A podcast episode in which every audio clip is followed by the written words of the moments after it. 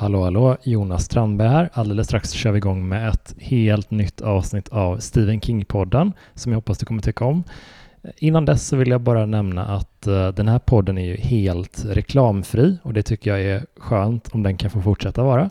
Så om du vill stötta podden så får du jättegärna gå in på eh, Patreon och bidra med en liten slant så får man också lite bonusgrejer då och då. Så att eh, gå gärna in på patreon.com snedstreck Strandberg. Eh, den eh, adressen finns också här i avsnittsbeskrivningen. Om du vill stötta Stephen King-podden så blir jag superglad. Och om du vill se Stephen King-podden live så finns det möjlighet att göra det nu i september. Gå in på biletto.se så hittar du biljetter till eh, Stephen King-podden live när jag kommer prata om It, både boken och filmen. Na, filmerna med Sebastian Mattsson och Helena Dahlgren. Det kommer bli svinkul och biljetterna går åt där. Men nu kör vi igång med veckans avsnitt av Stephen King-podden.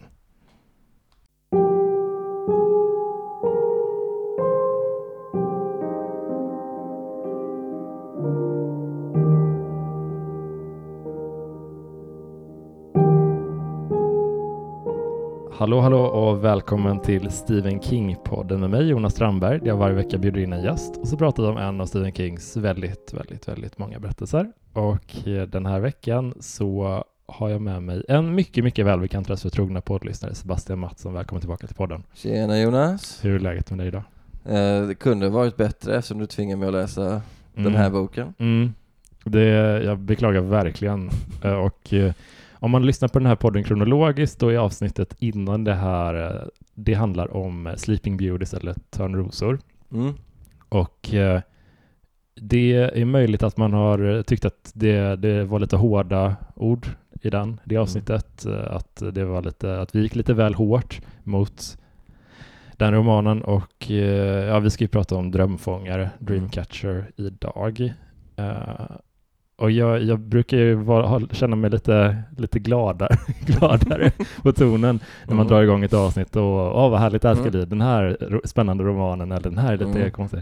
Jag är lite mosad i huvudet av att ha läst den här boken. Ja. Jag läste den sist, de sista hundra sidorna i vredesmod. Ja, typ. Att ja. jag bara, jag ska bara besegra den här boken. jag ska klara den här boken. Nej, för vi har ju hållit kontakt under läsandet ja. och det var ganska nice för när jag, för jag märkte att det gick väldigt eh, trögt. Mm. Eh, det gick långsammare att läsa den än vad det brukar ta, speciellt en King-bok. Vissa böcker kan ju ta tid för att dels kanske man läser den på en engelska mm. och den kanske har ett, ett, ett, språk med många synonymer som du inte fattar som måste slå upp eller, eller bara att den liksom, det, det är tuggmotstånd. Just det. Men här, med King-böckerna brukar det vara liksom, som han är en sån flyhänt berättare så brukar man flyga igenom den. Just det. Men jag märkte att så här, fan, bara att läsa 30-40 sidor tar emot på ett sätt som är, är, är det mig det är fel på? Men så hörde jag av mig till dig idag och du var ju med om exakt eh, samma sak. Ja, det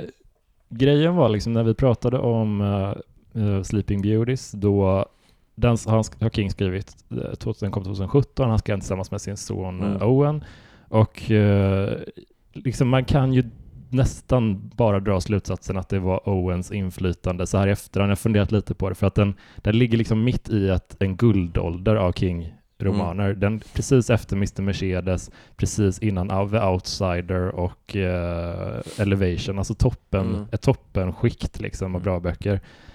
Och så kommer då Sleeping Beauties mm. som bara känns uh, svår att navigera, svår att följa, för många karaktärer och mm. du vet sådär. Men den här är, den här finns, ska vi bara, vi kan dra premissen av den här boken. Nej men jag, ja, jag får bara säga först att, för det var kul, om jag får släppa in folk lite bakom kulisserna så, ja. du skrev till mig att jag vill läsa en dålig King. Ja. Eh, och så hade jag ju den här, för jag fick den, eh, jag och min fru fick den som bröllopspresent för vi hade ju sån här eh, uppmaning till folk att köpa King-böcker till oss. Mm. Eh, och då, då, tänkte jag, fan vad kul det ska bli att läsa en dålig King. Men misstaget det, det, det är återkommande misstag för mig för att du och jag och säkert många som lyssnar gillar ju att kolla på dåliga filmer. Men alltid när jag så här, medvetet läst en dålig bok så har det aldrig betalat sig. Nej. För att det är alltid så mycket jobbigare mm. att läsa en dålig bok än att se en dålig film. Ja. En dålig film det är liksom, du behöver inte anstränga dig någonting, den flyger bara förbi, det tar en och en halv timme. Mm. Då, att läsa en bok är en mental övning i sig. Liksom. Det är ett arbetspass. Det är ett arbetspass. Och att läsa den här boken som var 600 sidor med, med liten text, det var verkligen, ja. verkligen en prövning. Ja, jag håller verkligen med. Det är, jag läste att den eh, också skrevs eh, um, jag vet inte, det står att den skrevs in cursive och jag tolkar det som att han skrev mm. den i skri, alltså typ för hand. han skrev den för hand. Ja. Eh, jag, jag har sett en intervju med honom som finns med på extra materialet till filmen Dreamcatcher som vi också kan komma in på. Ja, det kommer vi Och, och då säger han att han skrev den för hand, vilket är helt sinnessjukt att skriva en sån här lång bok för hand. Jag mm. fattar mm. inte. På så kort tid också som man måste ha gjort det. det är, ja. ja. Nej men alltså Troligt. verkligen, det, det, är, det är rolig, roligt på pappret som du säger att läsa en, en dålig bok mm. eller liksom se, konsumera dålig kultur mm. överhuvudtaget eller slarvigt producerad sådan. Mm. Men det, det är ju, ja men jag tänker lite så här, det här avsnittet lite grann som förra, men ännu, ännu mer tydligt. Mm. Det här är du behöver inte läsa den här boken. Nej, jag tänkte nästan, jag tänkte nästan föreslå att vi skiter i den här spoilervarningen ja, för att jag tycker så här, ja. eh, det, det, är mycket roligare att bara lyssna på avsnittet. Ja. Du behöver inte ta igenom den här boken. Nej, det eh, om inte jag tar så här completionist eh, om ni känner, som måste läsa allt. Ja, eller, precis, eller om man vill ha sån ultraförståelse för mm. Kings mm. liksom, process och psyke och ja. olika. Då, men det, det, är inte, det är inte en rolig bok att läsa. Man, må, man blir inte glad av den. Nej, nej, man, det, den är inte medryckande. Är, nej, man sitter inte heller, den är inte heller så dålig att man sitter och så här och haha, kolla här. För, för det hade man kunnat göra om han hade dålig prosa. Då hade mm. kunnat ta bilder på styckena och bara kolla, vad här, kolla här var mm. dåligt Jonas.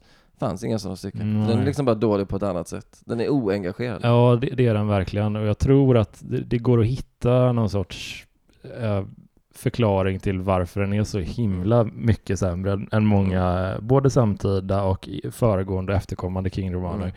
Det är ju att han skrev den um, eh, när han höll på att rehabiliteras efter den här kända olyckan som vi har nämnt några gånger mm. i podden, att han blev påkörd av en bil, mm. allvarligt skadad och fick eh, ja, men ligga och återhämta sig och mm. många benbrott över hela kroppen och sådär. Mm. Och då, han kunde liksom inte riktigt sitta eller ligga mm. på ett bekvämt sätt, han kunde än mindre skriva på ett bekvämt sätt, så att den, den är skriven under kraftig påverkan av, av Oxycontin, så mm. jag har hört det här berömda läkemedlet.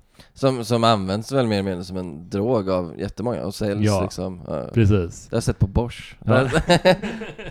När Bosch låtsas, han, han infiltrerar så låtsas han vara en krigsveteran för att få Oxycontin och så går han och säljer det. Ja men precis, det är ju, uh, ja men för att jag fick läsa om flera sidor många gånger, uh, typ tre, fyra gånger ibland bara för att förstå vad det var som hände i det här kapitlet. Mm, den är, vi, vi kommer komma till att den är väldigt uh, komplex på det sättet. Ja, in, inte på pappret tycker jag inte. Om man bara Nej. liksom säger, vi följer liksom fyra barndomsvänner som mm. uh, ja men de har varit kompisar sedan de var små och de mm. återförenas i någon typ av fjällstuga. Det heter, de heter Jonesy, Beaver, Henry och um vem glömmer? Pete. Ja, just mm. det. Och eh, i, i, första delen av boken, som är, som är ganska bra, mm. då redogörs det för att alla de här fyra har olika övernaturliga förmågor. Varenda en av dem. Varenda en av dem. Det, det är ganska så här, subtila grejer, eh, men det är ändå att de, de har liksom någon form av telepa halvtelepatisk förmåga, mm. eller, eller, att de liksom ser en verklighet bortom verkligheten. Mm. Eh, och den delen tycker jag är ganska bra, för då är det så här att den han, han, han berättar på något så här stickprovsätt att han så här redogör för fyra olika tror jag, händelser i deras liv som utspelar sig över loppet av tio år kanske. Mm. Som visar att, som Henry, han är psykolog mm. och då lyckas han under ett terapipass eh, avslöja en hemlighet som hans patient absolut inte vill berätta. Hur hans mamma dog. Och sen är det Pete då, som är alkoholist, eh, som ser en, en tjej han blir attraherad av, hjälper henne hitta ett par nycklar men hon blir då rädd av att han kan hitta nycklarna, mm. så hon vill inte gå på dejt med honom. Och det är ganska så här finstämda scener, så första kanske 30-40 sidorna fattar jag inte riktigt varför den skulle vara så dålig, för jag tänkte att det här är ju helt okej. Okay. När tycker du den började kollapsa då? Jag, jag, jag det, det, är verkligen ganska tidigt. Det är när de kommer till den här jaktstugan. Ja. Och eh, då blir det, det största temat i hela de här första hundra sidorna är liksom eh, jag har någon sån här omvänd Tourettes, jag kan nästan inte säga det, men liksom gas Alltså mag, ja. maggas är det absolut viktigaste temat under de första hundra sidorna då. Ja. För de stöter på då, i den här jaktstugan, stöter de på en man då med en uppsvullen mage eh, Som är liksom förvirrad, han är ute och går ja. och, och eh, Eh, vem är det som, är det Jones är nära att skjuta honom? Just för det. de står ju där och ska jaga. Mm. Och han kommer plötsligt in i skogen i någon pälsmössa, de tror att han är ett djur. Uh, han har uppsvullen mage då och eh, släpper sig hela tiden. Mm.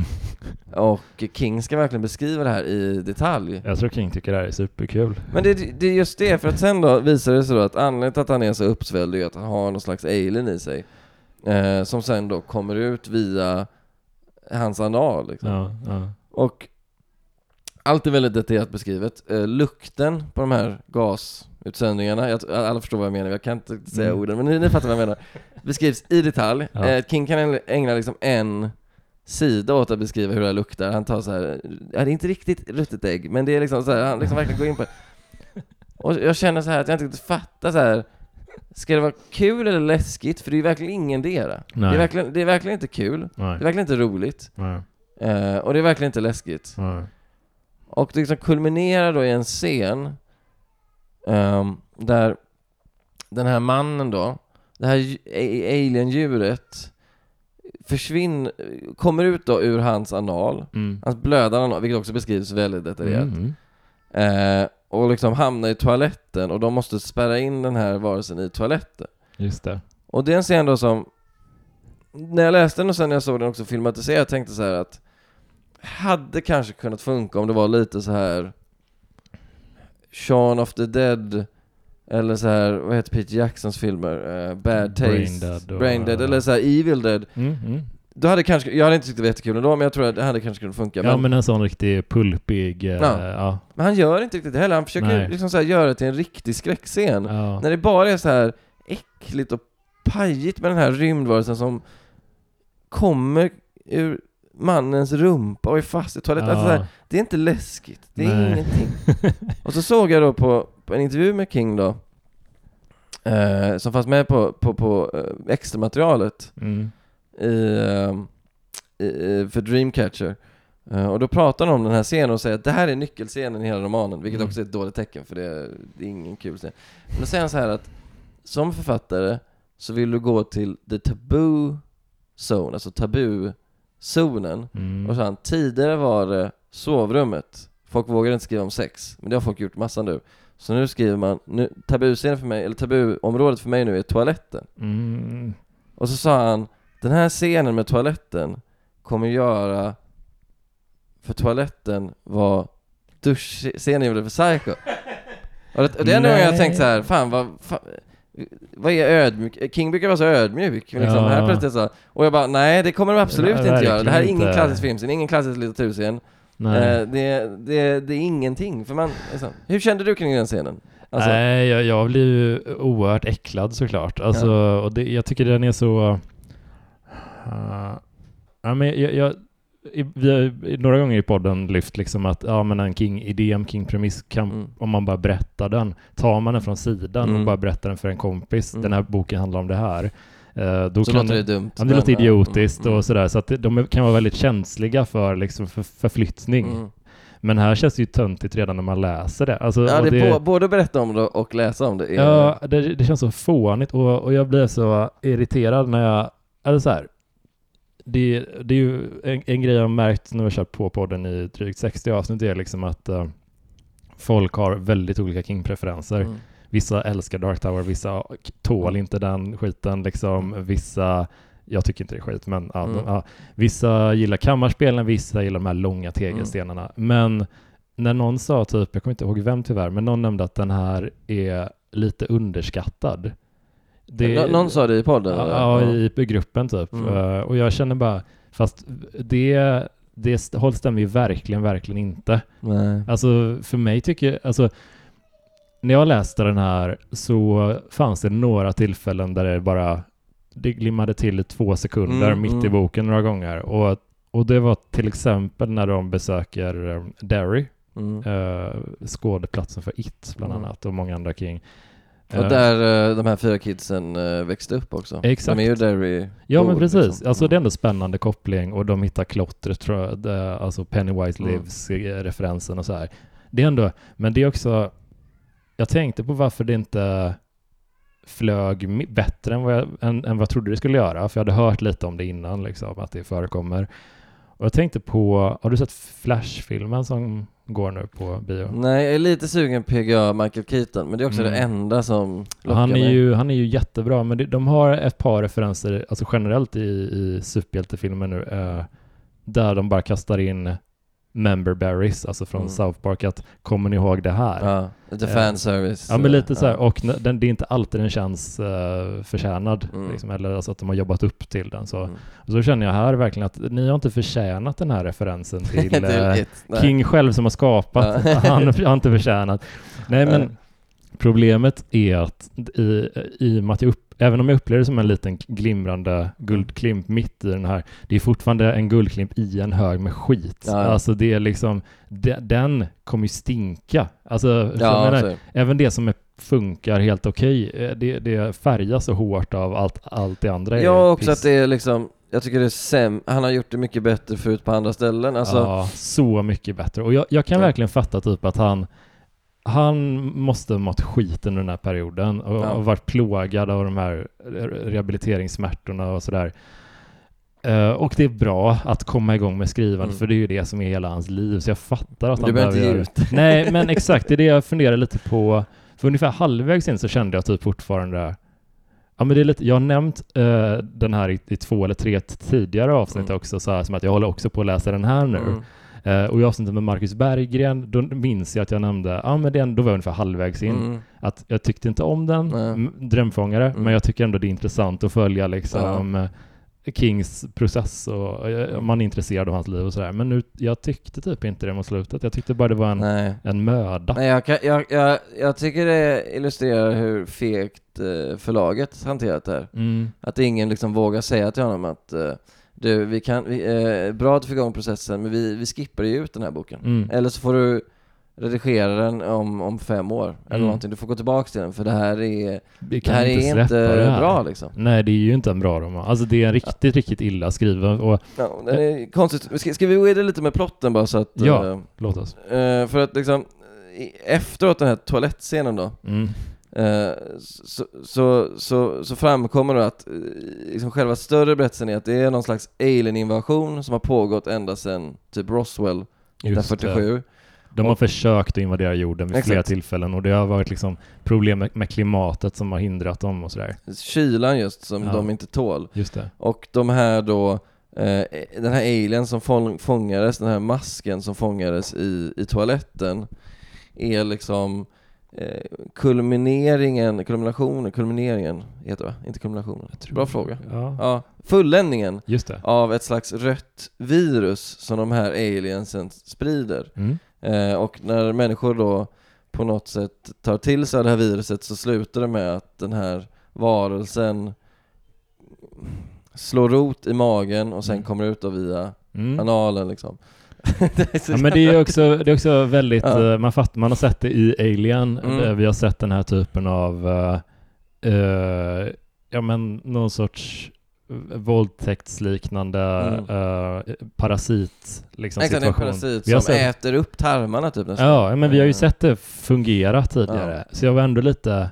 är, är det för att han, han skiter ut den? Som, ja. Är det där... Så är det det som är så dåligt? Det, det, det... Ja, det, det, är väl det. Sen är det ju också, som du säger, vi har sett det så många gånger, så det är ju inte superspännande heller. Uh, men det som händer då är att, okej, okay, den här invasionen har pågått länge, militären känner till det, uh, det finns liksom en Big Boss-militär som heter Kurtz, vilket också är ja. Också jättedumt, för ja. att det är så uppenbart en blinkning då till Mörkrets hjärta och Apocalypse Now. Ja. Och man tänker så här, får du vara så här platt att du liksom ta, det, det är ju som att säga, skriva, en, skriva en sci-fi och döpa en karaktär till Johnny Skywalker. och alltså, sen adresserar ja. han det lite längre fram, men det tycker jag inte heller liksom för sen säger han längre fram, då, då nämner han den här referensen längre fram, alltså han gör den tydlig, explicit gör att mm. ja, det är mörk, mörkrets hjärta, bla bla.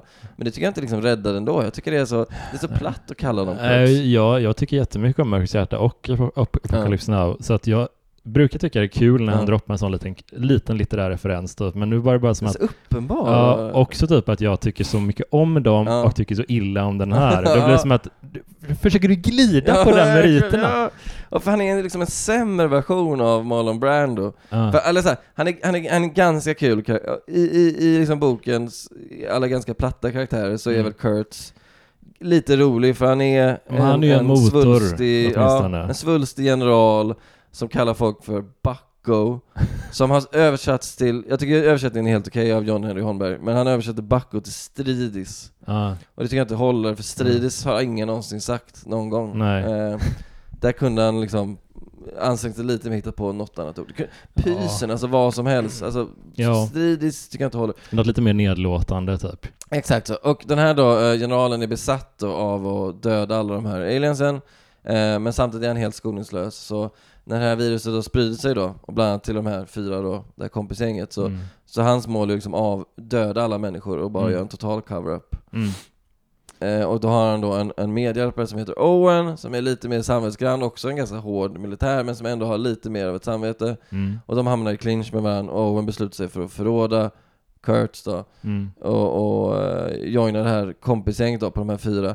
Och uh, Fan vad svårt det är att beskriva den här boken, för den är så jävla rörig och plottrig, ja. men det här kompisgänget då, det vi kan säga om dem är att de har ju övernaturliga förmågor på grund av en, en, en kille som heter Duddits, Down syndrom. Som har down syndrom. Vilket jag inte har i filmen, vilket vi måste diskutera för ja. det är helt, är helt sjukt att ta bort det. Mm, mm. Hade de gjort det idag, mm. tagit en down syndrom karaktär och gjort honom icke-downs i en film, då hade det blivit ett ramaskri. Ja. Men filmen är en hel, vi kan nästan prata om filmen sen, för den, det här kan bli ett ganska långt avsnitt. ja, ja, det går, det går bra. uh, hur som helst, han har då, uh, de, de, de, har räddat honom från en... Uh, mobbing mo en, en mobbing, uh, exakt. Ett gäng mobbare som skulle spöa honom. De går dit, räddar honom, eh, i, som belöning på något sätt uppfattar det. Eller bara att de har närheten av honom. Får de superkrafter? De får liksom så här subtila superkrafter då, och kan så här, kommunicera telepatiskt med varandra. Inte så mycket att de typ kan, det förändrar deras liv, för de har ganska så här, vanliga, misslyckade, halvroliga liv. Mm. Men de har ändå de här förmågorna. Varenda en av dem. Varenda en av det dem. Är det, alltså jag irriterar mig så mycket att alla har superkrafter. Ja, ja.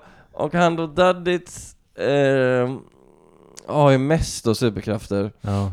Och äh, återkommer under boken hela tiden och har bland annat hitt, äh, senare i boken hittar en försvunnen flicka.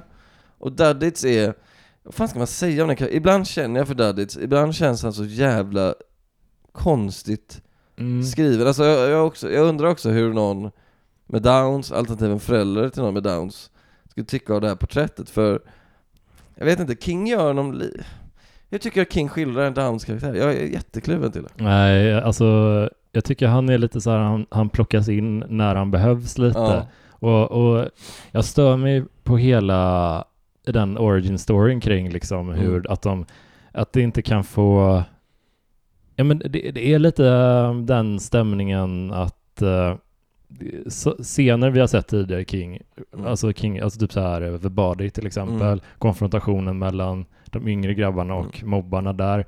Det är ju en jätte, alltså jättestarka scener typ mm. och man känner deras liksom obalansen i den. Mm. Här är det... Det, det, sämre, exakt. Det, ja, det, är sämre. bekant men sämre. Liksom. Och, det, och det är också typ att alla får typ samma förmågor också. Och, och jag, jag, vet inte, jag tycker det är en sån usel förklaring till varför de har ja. någonting. Det, det, I alla andra gånger, typ så här, eh, till och med Eldfödd som jag inte tyckte så mycket om, mm. där finns det en rimlig förklaring till att hon har, hon kan liksom, hon har pyrokinetiska förmåga mm. eller vad de kallar det där. Uh, det finns en rimlig origin mm. story, det finns det för Carrie, det finns det för varenda institut och så vidare. Mm. Men här är det typ är så slarvigt bara. Och, och, det, ja. och, att han inte kan navigera, han kan inte välja bort en enda idé här. Känns som. Det, hade det varit helt vanliga barndomskompisar mm. som inte har några förmågor, mm. de hamnar bara på en jaktresa. Mm. De ska liksom på en reunion och de hamnar mitt under en pågående invasion. Det, är, det är en cool grej. Ja. Det hade, hade det bara varit så rent så hade jag kunnat ändå vara typ med på det. Mm. Men nu är det, det är för mycket som händer.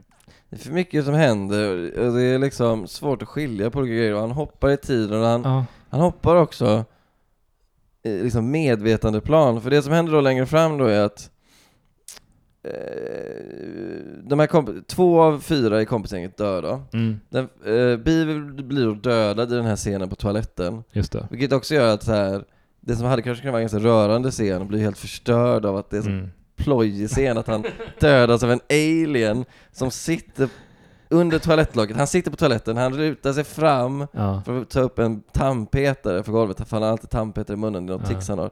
Då hoppar då den här varelsen ut och dödar. så jävla, så jävla Men hur som helst, det som händer då är att Jones då träffar ett av de här, en av de här aliensen som är liksom eh, parasitens ledare. Just det. Mr Grey kallar han honom. Mm. Eh, och det här är också ganska kon illa beskrivet tycker jag av King, för det är så rörigt. Men det då Jones gör, är att, eller det, det, det Alien gör, eh, utom, utomjordingen gör, är att han tar över Joneses kropp. Just det, och styr honom liksom. Styr honom, men Jones är fortfarande kvar. Mm. Inne i sig själv Någonstans där liksom. Ja, inne i sitt medvetande och han stänger in sig i något han då kallar för sitt minnesarkiv Ja, precis Och han liksom, fys det, det är det jag tycker är så konstigt också, för det beskrivs så fysiskt Inte att han så här inte så abstrakt att han så här, jag var någonstans inne i mig själv. Utan det är så här fysiska väggar, jag stängde dörren ja, och, det, och då kom han inte, och det tycker jag det fun jag tycker det funkar så dåligt. Det funkar dåligt eh, på pappret och det funkar nästan exakt lika dåligt i filmen tycker jag. Ja, jättedåligt. För, för där introduceras det typ efter, jag tror efter kanske 12 minuter eller något ja. sånt där. Det är så oerhört tidigt den här märkliga ja, men att de har superkrafter, det får inte smyga sig på. Nej. Vi kan hoppa lite mellan filmen och boken kanske. Ja, eller, låt oss. Uh, och då, filmen är ganska trogen boken alltså. Ja, Väldigt trogen. Jättetrogen. uh, och då, då går de liksom in alltså, i ett bokstavligt arkiv och, vi, mm. och jag, jag fattade typ inte riktigt vad det var som hände först liksom. Oj, Nej. är det så här ni skildrar ja, det? Oj, ja, jag trodde det skulle vara lite mera... För det är alltså, som du säger, ett bokstavligt arkiv, mm. där vi typ så här lådor. Det är också, det är eh, ingen drömsk inramning utan det ser ut som att, ja men, ja men en Indiana Jones när han går in i ja. sitt liksom bläddra bland mapparna typ. Att, och exakt så är det ju i boken också, ja. att så här, och jag tyckte det också det var jag vet att Helena tyckte att det var en intressant metafor. Jag, jag kan tycka det kan funka som metafor, att liksom minnena, minnena finns Vårt minne är som ett arkiv med olika lådor. Mm. Att det funkar som metafor, men här blir det så bokstavligt. Och då tycker jag inte alls det funkar för att då kan han liksom för, för då, är, då är liksom eh, utomjordingen Mr Grey, mm. vi kan kalla honom Mr Grey då framöver, och Jonesy mm. är då inne i samma arkiv mm. och Jonesy vill skydda vissa minnen från Mr Grey för att stoppa Mr Greys plan på världsherravälde. Ja, Bland annat informationen om Duddits då, för Duddits har övernaturliga frågor, över, övernaturliga förmågor och Duddits är deras enda hopp och då får mm. Mr Grey inte få reda på honom. Mm. Och då springer ut och hämtar de här minnena i bokstavliga fysiska lådor och mm. gömmer mm. dem. Mm. Och då tänker jag så här, men det, det, här håller inte för mig, för det är inte alls så minnen funkar. Minnen är ju inte sorterade i fina liksom, lådor. Minnen flyter in i varandra, minnen är abstrakta. Och liksom bara tanken på att så här, du skulle liksom kunna gå in i ett minne, hitta en låda där det står Duddits, eller att jag skulle kunna så här, gå in i en låda och bara Jonas Strandberg, och så bara hämta alla minnen. Alltså jag tycker det funkar inte som metafor, för så funkar Nej. inte minnen. Minnen är flytande. Ja, är liksom... men han, det är som att han tänker eh, på ett oerhört eh, Ja men det, är, det är lite, ett lite aspigt sätt att han ja. tänka på liksom hur folk fungerar och ja. att allting är frikopplat från varandra. Duddits ja, är frikopplat från alla andra Jag tar bort Duddits så försvinner Duddits. Ja. Det funkar ju inte för att dina minnen med till exempel Pete, ja. Jones minnen med också Pete berör ju honom. Berör ju, så det skulle inte funka? Nej, det, det, det är ganska um, jag funderar lite på Ja, för, för, när du säger det, alltså när du återberättar den grejen om att man försöker dölja Daddits mm. existens och hans liksom sådär. Det är ju en ganska spännande, alltså ja. om man har en invasiv, alltså mm. att man försöker att skydda, det är en rätt spännande grundidé ja. liksom. Så att, det är ju inte det som är problemet, utan problemet är ju typ hur, hur den Uh, men jag försöker sätta ord på varför... Kan gestalta liksom, ja, varför liksom den är form så, till det? Ja, för varför den är så oerhört svår att följa typ bara. Det, ja. det, det, det, värsta tycker jag är... Uh... Alltså i filmen är det så dåligt för där... Ja, det är uselt såklart. Men... Får jag bara beskriva hur det görs i filmen? Ja, ja. Alltså för... Då har vi ju, vi kan ju börja med att säga att filmen har en supercast. Mm. Alltså uh, uh, riktigt tunga namn på varenda jävla roll. Mm. Du har liksom Spelat vid den här tiden så har du mm. Thomas Jane, mm. skitstor då. Mm. Eh, Damian Lewis hade precis kommit från Band of Brothers. Mm. Eh, du har Jason Lee som snart skulle göra My Name Is Earl och mm. var såhär, riktigt stor såhär 90-tals Kevin Smith, ja. Dogma-ikon. Absolut. Eh, du har Timothy Olyphant som kanske inte var lika stor då, men hade liksom Deadwood, Deadwood och ja. uh, Justify, jätteduktig. Ja. Du har Morgan Freeman, du har Tom Sizemore som precis, typ gjort Heat. du, och, och, inte bara det, sen har du liksom eh, eh, Lawrence Kasdan som har mm. regisserat, han, han, har skrivit manus till Empire Strikes Back. Ja. Då, William Goldman som också skrivit manus, han har liksom så här, vunnit två Oscar för manus. Mm. Du har liksom så här, en super superstab eh, som gör den här rena dyngan liksom. Ja. Men det som händer då eh, när utomjordingen tar över eh, Jonesy som då spelas av Damian Lewis, den mm. rödhåriga från Band of Brothers. Det. Eh, det. är att liksom, det är så jävla kackigt löst, för då, då har de gjort så att Damian Lewis är ju britt i grunden, mm. så när han är, eh, eh, Jonesy pratar ju amerikanska, mm. för att Jonesy är ju från Derry mm. i Maine, men då när han ska vara utomjording då pratar han brittisk engelska. Mm, så man ska alltså, förstå att nu är det Grey som styr, typ. Och så har de klippt, liksom, från olika vinklar av Joneses ansikte, för att så här nu pratar jag, nu pratar jag som Jonesy, Vet nu du, pratar jag som Mr Grey. Jag visste inte att han var ett britt på riktigt. Jag tyckte det var, jag trodde det här var en jättedålig britt, men det är hans riktiga... Det, ja men det är ganska dålig brittiska, jag håller med. Han är dålig på sitt eget modersmål. Uh, för det låter som överdriven brittiska. Ja. Jag fattar inte riktigt om han är så här. ja men jag kan inte prata vanlig brittiska för det är inte tillräckligt olikt. Nej. Så jag måste liksom ta i. Men det är, det är någon som säger att, du, varför pratar du som James Bond? Ja. det gör du verkligen inte. Nej, sådär pratar jag inte. Uh, så det gestaltas dåligt i filmen, det gestaltas dåligt då i i boken och hela liksom det som då blir spänningsmomentet i boken eh, blir då att Jones är, är eh, eh, och eh, vad ska man säga?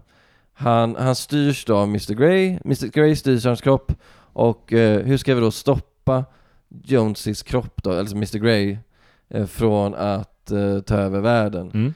Eh, och också den premissen är ganska dålig för att det visar sig att det här viruset inte är så farligt egentligen.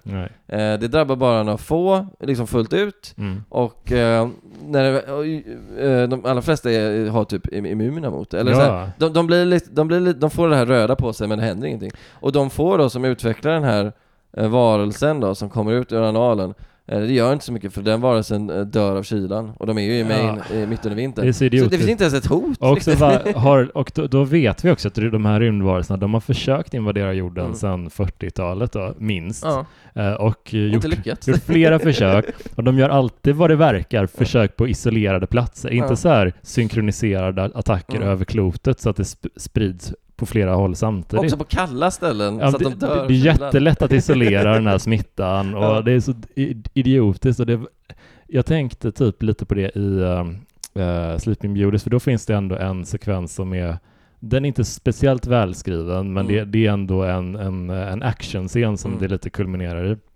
Och här är det i boken Drömfångare då, så det finns ett finns ett kapitel mot slutet som heter uh, The Chase. Mm. Uh, och sen så tänker jag shit, nu jävlar, mm. nu blir det spännande. Nu, uh, nu blir det rafflande jakt ja. här. Och då heter kapitlet efter det The Chase Continues. Nej men jag tänkte på det, att det enda som gör bra i filmen, det är ju att den här roadtrippen är skalad ner till 10 minuter. Ja. För den här jävla bilfärderna, det är tre parallella bilfärder, eller mm. två, jag kommer inte ihåg. Eh, de på, jo det är tre stycken, för det är tre olika sällskap som typ jagar varandra genom mm. USA, eller Maine då. Den pågår i kanske 300 sidor och, ja. är, och är typ aldrig spännande. Nej. Den tar aldrig slut. Fan vad de åker bil. Ja, den är utmattande och, och, och det, det, är väl någon sekvens också som jag men det, jag känner mig så äckel några gånger i den här boken. En, mm. Ett tillfälle när uh, Jonesy i ett ögonblick av kontroll mm. som jag förstod det Uh, han måste äta, han måste mm. få i sig någonting, så han äter rått bacon. Ja, oh, fan vad äckligt. En och, äcklig bok där kan jag säga. Ja, och då blir ju liksom Gray och Jonesy sjuka, ja. och vilket köper de andra tid att komma ikapp ja, dem. Han äter typ ett, ett och ett halvt kilo bacon, ja, det är så, får all, så vidrigt. Få spy. Ja, det, det, är otroligt äckligt. Jag är typ uh, Uh, utan någon speciell rimlig anledning, men jag har inte ätit just fläskkött på typ två år mm. ungefär och jag kände bara Uh, man blir inte sugen på att äta. Nej, det är en, det är liksom en anti-craving till det typ bara. När man kände den här rökiga, feta ja, Det är så äckligt. Och också problemet är så här att även efter att den första så alien är född mm. så blir det en annan smittad och får de här gasgrejerna. Så gasgrejerna fortsätter ju. Mm. För, då, för då Kurtz har i bilen med sig då en soldat som också är smittad och har uppsvullen mage och släpper sig hela tiden. Så, och, här, och så ska King återigen beskriva hur det luktar. Ja. Uh, och, han, det, det, det, är liksom inte roligt. Det, jag skrattar inte en enda gång. Uh, och det är inte läskigt. Och det, det är liksom bara äckel. Och, och då kan man inte säga, finns det ett egenvärde i det? Ja, Vissa kan ju tycka att det liksom, men, men jag tycker inte det hör hemma i en sån här bok. Nej. Då skulle det vara en bok bara om äckel, som ett experiment. Men, men alltså, liksom... när folk har nämnt sådär, eh, om du, om du får spekulera, liksom, vad är det, när folk säger att den är här är underskattad, vad är mm. det, tror du då att, för jag fick känslan att de tycker att den har fått för, alltså, mm. fått för mycket skit, mm. typ, och och att det finns kanske, men vad tror du det är de menar? Vad jag, i den är det som är underskattat? Jag tror lite i alla fall i boken. Vi kan återkomma till fi för filmen, där är ju typ Duddits det sämsta. Uh. Han spelas ju av Danny Wahlberg, alltså uh. Mark Wahlbergs bror, Just som det. kanske är mest känd. Dels för att han var med i några SA-filmer, men han är ju också med i New Kids on the Block. Han är ju såhär pojkbandsångare som spelar Duddits och gör eh, ett otroligt dåligt jobb. Mm. Men i boken är han lite mer ömsint skildrad. Mm. Och och hans relation med mamman då är också lite finare i, i filmen är det ju ingenting. Mm. Men i boken är det lite för, Så jag tror Duddits kanske har man kanske är lite berörd av Duddits då och då, det kanske är det som är mm. folk, som folk eh, kan ta till sig. Mm. Eh, nej men också, jag, jag har ju pocketversionen här, här är en blurb här från Norrbottens-Kuriren. Drömfångare tillhör det allra bästa som King någonsin har skrivit. Det fattar jag inte. Jag, jag, Vem? Vi borde verkligen prata med Sök personen. upp den mannen. Ja, det kommer jag göra. Alltså det, jag blir genuint provocerad Man måste hitta recensionen, den kanske inte finns online. När kom boken? 2001? Mm. Kanske Kuriren fanns Också knäppt att den släpptes, som jag minns, februari 2001 och mm. filmen började spelas in mindre än ett år mm. efter det. Alltså började spelas in. Mm. Det är ju helt sjukt. Hur, hur kan man haft Alltså jag fattar rättighetsgrejen att man har säkrat dem, men ja. hur fan kan det ha gått så fort från att... Jag vet inte. Och manuset är ju, men det är tydligt, manuset är ju väldigt, om vi pratar om liksom så här ganska fristående mm. eh, filmatiseringar där man tagit sig stora friheter och kanske bara behållit några namn så är ju eh, den här filmen ligger ju väldigt nära sin förlaga. Ja. Det är vissa grejer som har skalats bort och de har gjort Duddit till eh, bara en vanlig inom citationstecken, funktionsnedsatt. Mm. Mm.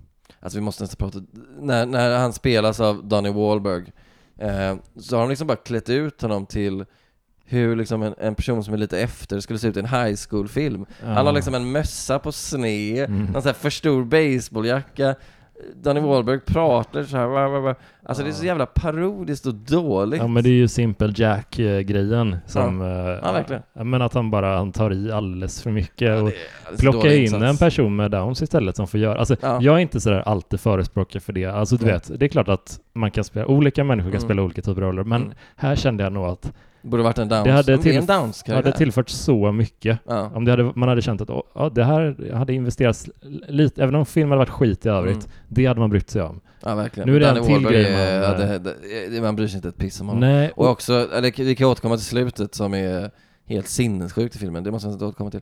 Men äh, äh, det som händer då är ju att, äh, ja det blir den här resan då, där alla jagar Jonesy som då är styrd av Mr Grey och man inser längre fram att det Mr Grey då vill göra är att eh, sprida det här eh, eh viruset då via vattentillgångarna i, eh, i Derry, är det Derry va? Ja, just det. Ja, för att då liksom lyckas sprida viruset till så många som möjligt.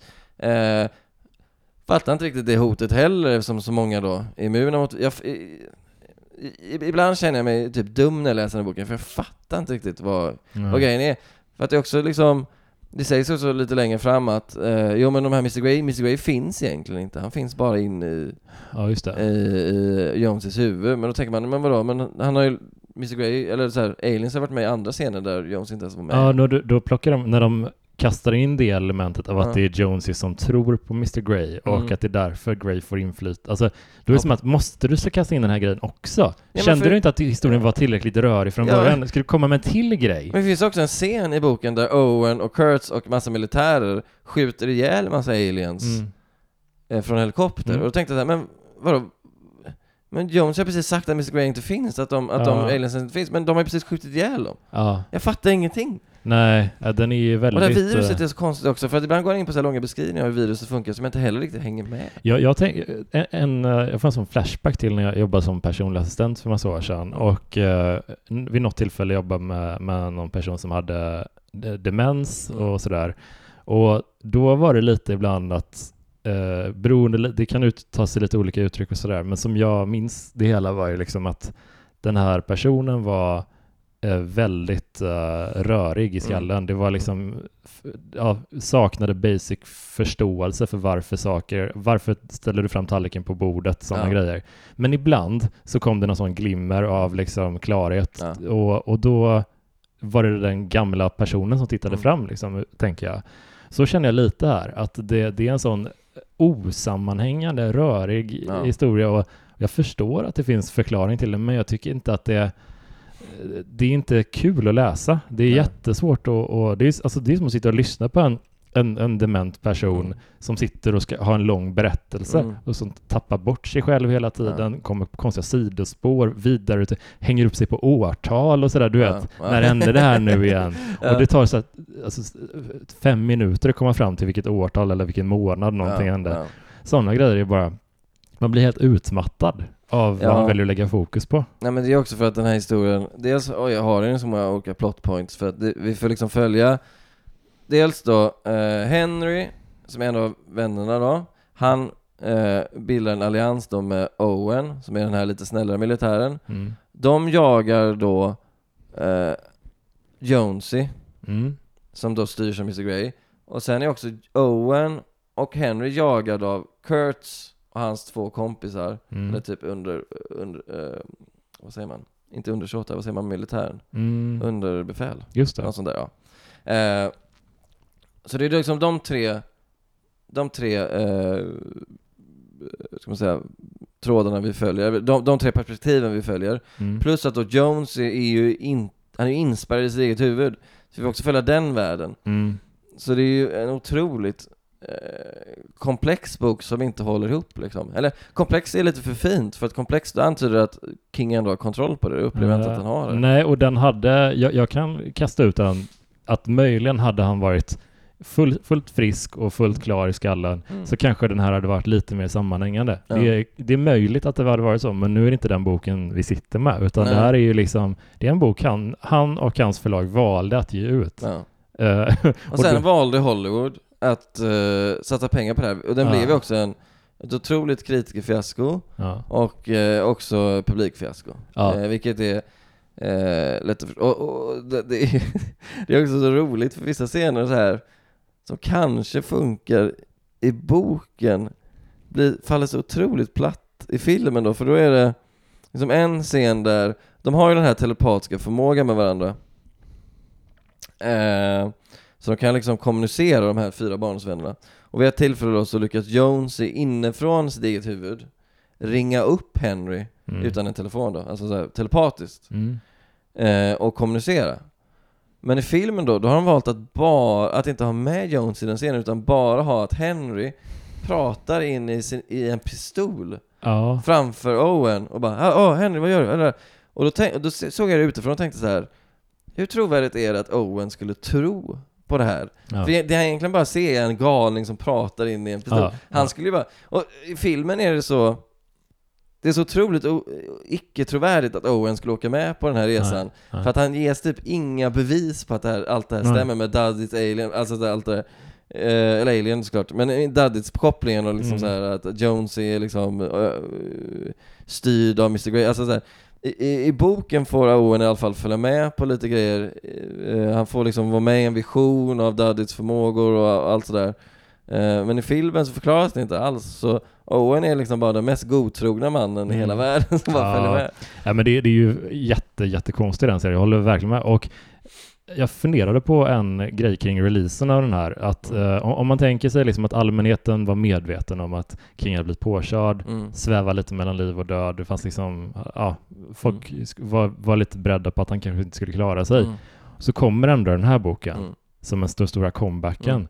Jag tänker typ att folk var helt skeva i skallen när den kom. Typ, att bara, man är bara glad att han lever liksom, och är glad att han kommer ut med någonting, ut, vad den är. Men det är det enda, förlåt, alltså det enda förklaringen jag kan, kan komma på till att den eventuellt fick lite, lite bättre kritik än vad den förtjänade. Mm. Mycket bättre än Norrbotten-Kuriren. Ja, jag, jag, vet. Ja, ja, ja, jag fattar inte heller. Men det är också e- efterordet. Mm. Jag tycker alltid om att läsa hans efterord. Mm. Uh, men... Uh, ja, min pocket har inget efterord. Nej, det är... Han... Eller jo, den har fan det. Jag ska kolla här snart. Ja. Det är någonting om att han var sjuk i huvudet när han skrev den typ, ja. Vi kan läsa det. Alltså... Just det, han skriver Läsaren kommer upptäcka att en del av det fysiska obehaget följde med in i berättelsen. Men det jag framförallt minns är det slags enastående förlossning vi kan uppleva i mycket levande drömmar. Alltså, han, han säger mellan raderna att det är... Förlåt. Förlåt också att det här är... Vill du läsa sista, sista meningen bara, typ? Eller sista raden? Till de av er som har kommit så här långt, tack för att ni läst min berättelse. ja, ja. ja. exakt. Det, det kändes ju inte som att han förväntade sig att folk skulle läsa. Löser jag in lite här, men ja. så där tror jag inte att han brukar uttrycka sig. Nej. Alltså det... Han, skulle, han säger också Tabitha, stopp, han ville döpa boken till Cancer, men det fick men det fick han inte Täby. Nej, men kunde inte Täby för kanske Stoppat hela boken? Ja. ja, det är hennes fel. Hon har det inflytandet så ja. kanske hon ändå borde Nej men alltså sen, och då i slutet då så Också en totalt, eh, en, en, sekvens helt utan spänning för man bryr sig inte ett piss Men då, då har han liksom, eh, Mr Grey lyckats infektera en hund då Mm. Med uh, den här och, uh, den smittan och uh, en, en, sån här mask har börjat utvecklas i, i hundens mage och, och, målet är då att kasta ner hunden då i vattenreservoaren och då på något sätt, luddigt sätt, jag fattar inte hur det ska gå till, förgifta hela vattnet i Derry då och sprida smittan och då måste de stoppa honom där. Mm. och så blir det liksom en konfrontation Eh, Kurt dyker upp dit, lyckas typ skjuta Owen men eh, blir sen skjuten igen av sin, sitt underbefäl. Mm. Eh, Henry lyckas stoppa den här masken då med hjälp av Duddits mm. lyckas stoppa masken från att nå vattenreservoaren och Jonesy kommer tillbaka och blir återställd. I, i filmen, eh, på något helt sinnessjukt sätt, så har de fått det till att Duddits kliver plötsligt in där i sin för stora jacka och sin mössa på sned mm. Visar sig själv vara en alien Just det eh, Börjar brottas då, för att då går, då går alien eh, det, det, blir liksom eh, två stora, det blir som en, God, en mini-Godzilla vs Kong fight liksom ja. Där ditt kropp bryter sig ut, hans alien-kropp bryter sig ut ur hans mänskliga kropp vilket absolut inte finns antytt i boken att han skulle vara alien. Nej, nej. Eh, och så slåss de liksom. Ja. Eh, med ganska kackiga så här CGI-effekter. Oh. Eh, och sen vinner Duddits då. Så, ja, det, det, är så jävla dumt. Så jävla dumt. Eh. Alltså, jag kan bli lite chockad när man gillar någon så mycket liksom, som konstnär mm. eller som jag verkligen gillar Stephen King jättemycket. Mm. Jag kan bli så genuint överraskad att man kan producera så här undermåliga Alltså, Men det, det var något, när det. du berättade för mig om det här med Oxycontin-grejen så var det ändå någonting, för det berättade du för mig när jag hade läst halva kanske, ja. och det var ändå något som klickade i mig att det här är inte Mm. En, det är inte en eh, klar hjärna. Det är inte en klar hjärna och det är inte ett klart omdöme heller. Nej. Eh, som kan liksom, för om man är en sån idéspruta som King, då är det viktigt att man har ett omdöme som kan liksom särskilja på bra och dåliga idéer mm. Eh, och bra och dåliga extrema idéer, för han har haft extrema idéer, idéer som flugit liksom. Mm. Och här, den här boken är full av extrema idéer som inte flyger. Mm. Men om man har omdömet lite, för, eller kraftigt försämrat av medicinering, mm. så fattar man ju. Det där man däremot inte kan fatta är det här cyniska förlaget, Scribner, som är ett stort förlag. Mm. Som bara inte, nej men du vi skiter i det här. Vi, vi vet att du levererar böcker ganska regelbundet och att mm. det nu har dröjt.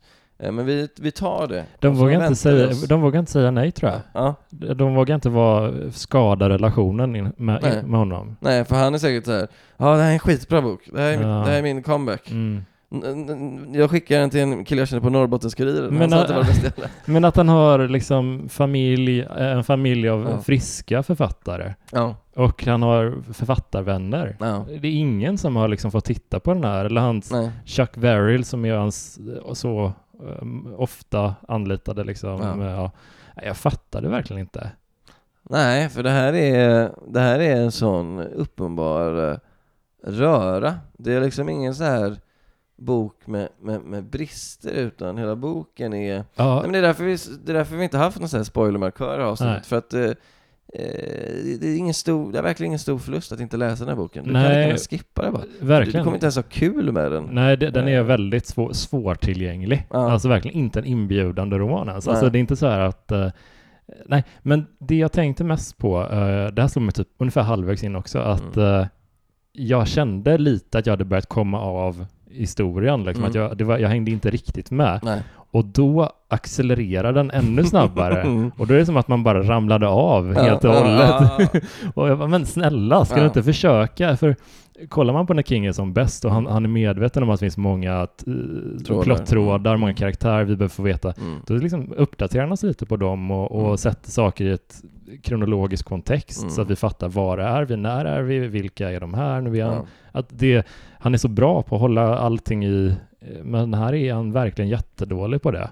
Och det är ju säkert då ja. när äh, av medicinen försämrade Men man måste, man måste kunna alltså jag, jag, ja, förlaget måste ju. Alltså, och jag känner också så här som, äh, den här boken har möjligen sina apologeter, säger man mm, så? Ja. Men jag, jag tycker verkligen man måste säga som det är med den här, att det, det är verkligen en fruktansvärd bok. är, och jag tycker också, mm. som när man läser böcker på sommaren, man vill ju bara plöja, plöja, plöja. Mm, och, här, uh, och det, jag, jag upplevde att den här tog tid från, ja. och jag ber verkligen om ursäkt att jag gav det till dig sen. Nej men det var, det, jag är ändå glad att vi tog, att hade jag läst den här ensam så hade det känts mycket värre, men nu, ja, det in, vi, ja, det vi inte... delar liksom. För jag visste så här, varje gång jag, när jag var på sida så här 412 ja. och visste att det var 200 sidor kvar, och eh, de är fortfarande på den här jävla The chase continues. Ja. Då tänkte jag, ja men Jonas eh, kommer också komma hit och känna likadant, så då vet jag ju det. Ja. Uh, men det är, det är, också intressant att det här, det här, alla hans böcker har väl, typ, i princip alla hans böcker har väl dykt upp på New York Times bestseller-lista mm. liksom. Mm. Den här gjorde väl också det antar jag? Säkert. Uh, om det skulle vara kul att liksom hur, frågan är hur länge den låg kvar. Hur fick du folk då liksom? När de ja, exakt. Vad var, var, var det en stämning av att... Vad fan har hänt? Ja, vad fan har hänt? Slut? Men jag tänker typ att det kan vara lite som... Uh, uh, jag tänker att det kan vara lite typ så här att folk får vara dels som sagt glada att han är tillbaka, mm. hans fans är såklart glada att han lever och kan fortfarande skriva mm. eller ge ut böcker åtminstone. Mm. Och så den initiala positiva känslan mm. Jag tror att den svepte med så att den bara hängde med upp på, ja. på topplistorna. Ja. Och sen när folk faktiskt började sätta sig och läsa, vad, vad, vad är det här nu igen? Alltså, vad är det jag läser? Jag tror man kunnat rädda den här boken om han hade kapat 300 sidor, ja. gjort det mer medvetet palpy, mm. gjort det nästan som att så här, kommer du ihåg filmen Mars Attacks mm. med Jack Nicholson? Mm. Alltså gjort eh, typ den tonen i den. Ja. Gjort en lite så här larvig grej. Men nu försöker han ha liksom både och. Han försöker göra en så här finstämd barndomsskildring och daddits massa skit. Och, och sen också försöker han hitta på en så här mytologi för det här viruset och för de här bla bla och det här jävla så här minnesarkivet. Ja, ja, jag, jag, jag, tror, den är inte ens palpig, den är inte ens kul. Jag tror jag kom på vad den största anledningen till att jag inte kan liksom suspend my disbelief kring den här, mm. att, att jag inte kan bara acceptera varför saker och ting är som de är. Jag tror att det, vi har dels den situationen med att de här fyra barndomsvännerna, de har alla superkrafter, mm. vilket hade, det hade jag kunnat ta överseende med, mm. om det var så att deras, det hotet de förenas mot mm. är ja, men en, en otäck mördare, eh, eller liksom ett mänskligt hot, att mm. det är ett förankrat. Så vi, här har vi det, deras mm. vänskap, deras speciella relation, den hjälper dem lösa ett mord. Mm. Men när de också ska handskas med en alien-invasion och, och en galen general. det är bara, men snälla människa, ja, hur kan du tro att vi ska köpa allt det här? Ja. Det, det, är så orimligt. Ja. Eh, till och med Eldfödd, som jag som sagt inte var jättefan av, men som har verkligen sina moments. Mm. Där är det typ att men ett mänskligt hot mm. som Charlie och hennes farsa mm. liksom ändå får enas mot. Mm. Det är ju rimligare. Det, det jag köper verkligen inte att allt det här råkar bli så. Det, jag kan köpa att en grej råkar bli så, mm, men inte mm. allt. Det, det, är så orimligt. Nej, och Mr Grey är en sån ointressant skurk också. Och så, så, som vi var inne på, att i slutet av... För det som händer då är att, oj, han var inne i eh, Jones hela tiden. Ja. Han, så då går de fram Henry, ja det här är så, alltså folk som inte har läst boken måste tro att vi är sjuka i huvudet, men det är faktiskt mm. att Henry går in då i Joneses huvud, mm. tillsammans med Jonesy, mm. hittar Mr Grey där, där han ligger på typ en dödsbädd, mm. och har liksom styrt allt därigenom. Eh, men det är typ, det antyds att Mr Grey är egentligen Jonesy. Alltså, så jag, oh. Och sen ska de då döda Jonesy då i... Nej, de ska döda Mr Grey i Jonesys huvud. Mm. Och när de gör det då så försvinner allt. Men samtidigt finns det ju liksom ett rött virus, ett fysiskt riktigt virus i den verkliga världen. Det mm. finns de här det var inte så att Beaver blev dödad av en dröm, han blev ju dödad av ett faktiskt... Ja. Det är så jävla märkligt. Ja, men jag tänker King, alltså när han, när han sitter och skriver den här, tänker jag typ att uh, han sitter, det är som att man ska sitta och försöka jonglera ja. med, med, med, två bollar och mm. inte lyckas, man tappar den, mm. men man testar direkt med en tredje, sen en fjärde, så man bara kastar in fler och fler utan att liksom ha lagt någon sorts jävla grund. Det, han, och sen förlaget är föräldern som står bredvid och säger vad duktig, vad duktig. Den här filmen vill lägga ut på Youtube. Ja, vansinnigt är det. det uh, ja, men det, det... Men jag kan ändå säga så här. Uh, läs inte boken. Kanske se filmen, för den här är ändå kul med. Och det finns jättemycket att peka på och säga gud vad dåligt, gud vad mm. dumt. Mm. Uh, och det är också kul att så här föreställa sig alla de här superkompetenta människorna mm eh, gå bort sig så här, att inte, inte så här, Lawrence Kasten och Damien Lewis, att de inte bara så här ja. stannar upp och säger men vänta lite, det här är ju jättedumt att jag pratar, pratar brittisk engelska ja, men vi har, äh, nu. Det är jättedumt. Ja, men jag vi är ju smarta in... människor, varför? Ja, men alltså, den, den kompetensen som är samlad i ja. Dreamcatcher, den är helt sjuk. Och ja. jag, det var inte riktigt samma nivå, men jag fick en flashback till när vi pratade om uh, The Mangler i, i mm. podden, både novellen och filmen. Och filmen hade liksom King som då var extremt hypad, mm. skriver källmaterialet. Mm. Vi har Robert Englund, mm. jättehypad från uh, Elmstedt. Ja. Och sådär och uh, Tob Hooper mm. och någon till. Alltså mm. det var liksom bara väldigt bra, stabil ja, grundstomme. Eh, kungligheten inom ja. skräckfilmsgenren. Och han uh, från uh, När lammen tystnar, Buffalo Bill, spelar ja, också ja. såhär mm. kul folk liksom. Men ändå en riktig jävla dynga. Uh, men ja, som du säger, liksom, är man ändå nyfiken trots att ha kommit så här långt i mm. podden och på att ta till sig historien, mm. se filmen för den är typ en trogen, ganska trogen version av boken. Ja, jag måste och också, slipper sitta med Jag, jag måste också uh, tacka för att jag fick den här filmen uh, skickad till mig ja. uh, gratis. För ja. jag såg att en av dina lyssnare, som också tror jag var på, på, på live-podden, mm. Kathleen, ja. Um, om man uttalar hennes namn Jag ber om ursäkt. Ja, men jag tror det. det. Så, ja. eh, hon la ut en eh, massa King-filmer, mm. eh, en bild på massa King-filmer som hon, som, som hon ville skänka bort. Och då fick jag Dreamcatcher. Jag fick... Och eh, jag ber om ursäkt för att jag har trashat filmen, Katlin, men Uh, jag, hade, jag, hade stort, jag såg också extra materialet. Ja. Fick mig också sakna extra material, vad mysigt det var. Ja, den där uh, eh, DVD-menyn. Ja, DVD-menyn och sådär special features. Så det är en kultur som helt har försvunnit, vilket Skit, är bedrövligt. Ja. Uh, jag fick också några DVD av henne faktiskt. Uh, Children of the Corn 1 till 3. Mm. Mm. för jag och Björn Karlsson ska ha en stor special snart där vi pratar mm. om alla Children of the Corn-filmerna. Ja. Uppdelade i två avsnitt. Vi tänkte först köra allt i ett svep, men det blir för rörigt. ja, och jag tänker mig att det här avsnittet har också varit lite rörigt, men jag hoppas ändå varit underhållande. Och jag vill så här, men jag tycker man kan se filmen, för det, om, om inte får inte se, vill någon, om ni vill se den sämsta skildringen av funktionsnedsättning av en icke-funktionsnedsatt. Alltså om, om, vi tänker så här, i andra änden av skalan är så här Rain Man of Dustin mm. Hoffman som är liksom mm. mästerverket. Mm. Då är Danny Wahlberg, Mark Wahlbergs fulare bror. Man, en av männen bakom Wahlburgers. Och en, en, en, den, den fula i New Kids on the Block, uh -huh. min syrra Blair, får lyssna på podden och älskar New Kids. Men ja, han är liksom i andra änden. Om, om Dustin Hoffman och Rainman är här, då är Danny Wahlberg som Duddits här. Det är den sämsta skildringen av funktionsnedsättning du ja. någonsin kommer att se. Ja, det är det. Och det filmen är, är inte bra, men om man verkligen ska, om man ska se en, uh, ta till sig en usel mm. uh, historia, ja. så är det här fallet liksom, lägg inte tid på boken. Ja, för boken kommer att knäcka dig. Den är 600 uh, sidor med liten text. Jag skulle kunna tänka mig att hamnar man i den här för tidigt som King-läsare så är mm. risken att man hoppar av ganska överhängande. Att ja, man inte ja, kommer tillbaka. Katastrofalt. Bör, alltså jag börjar inte med den här. Det finns, Nej. Alltså, verkligen. Jag måste ju verkligen läsa. Jag, dels har vi liksom bandat ett par avsnitt i, i förväg nu, mm. så jag liksom, det är inte någon stress för att läsa nästa mm. King-avsnitt, vilket mm. är skönt. Men jag måste verkligen rensa paletten nu känner jag. Mm. För att annars kommer jag... jag Ska inte läsa om Tommy Knocker så? Ja. Men det är så när man kommer in i jag kom lite in i uh, Sleeping Beauties med mm. negativa känslorna från mm. den här också, mm, så att mm, de, den färgade lite av sig. Ja, trist att så jag måste städa sinnet. Ja. det är mest att de båda är så jävla långa, ja, typ 600-700 ja. sidor.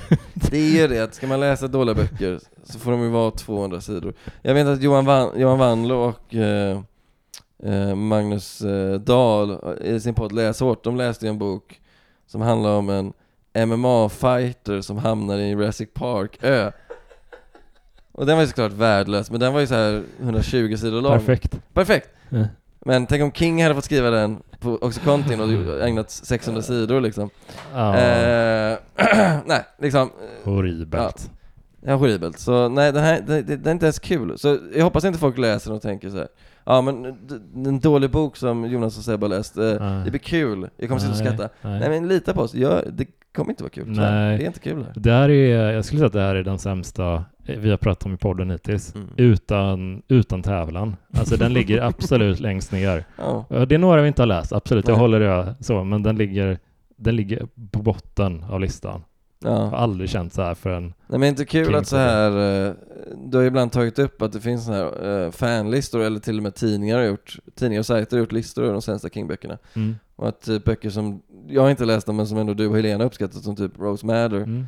jämställs med den här jävla Steam det är, det är sinnessjukt tycker jag. det, de har, han har en klarhet i sitt berättande ja, den. Det, ja. det finns liksom en, en, empati och det finns liksom typ en, två mm. huvudpersoner vi följer. Här är det liksom Ah, det här är bara en röra. Jag kokar av tanken. Bara, det här är episode, som att förklara, försöka förklara intrigen i eh, episode, eller Phantom Menace, episode 1. det är inte lika lätt. Jag, min eh, kompis Ludde Samuelsson, komikern, mm. när han fyller år så brukar jag posta introtexten mm. till Phantom Menace på hans vägg bara. Ja, ja, Handelsfederationen i... ja, fy fan. Fy fan alltså. Ja, ska vi säga så? Eh, det kan vi göra. Mm, uh, ja, förlåt för det här. Uh, vi... Uh, förlåt vi, kanske. Ja, får se. vi, ja men, ja, säg vad ni tycker om den här boken och ja, försvara den om ni vill och sådär, men jag... Jag vill typ att folk ska göra det. Ja, jag vill se, jag vill se ja men jag vill ändå lite höra vad ni har, har att säga om den, för att det... Jag brukar inte låta mig vara så här helt, mm. ja, Aldrig, du är en väldigt mild och snäll person, du är känd som det. Men eh, jag har aldrig sett dig så här upprörd och arg. Nej, det, det tillhör, tillhör inte vanligheterna, men uh, ja. Vi hörs nästa vecka med ett helt nytt avsnitt och jag ska anstränga mig att hitta en fantastisk King-berättelse. Kanske en novell, kanske en roman. Vi får se vad det blir. Men vi hörs då i alla fall och ja, tack för att du har lyssnat. Ha det bra. Hej då.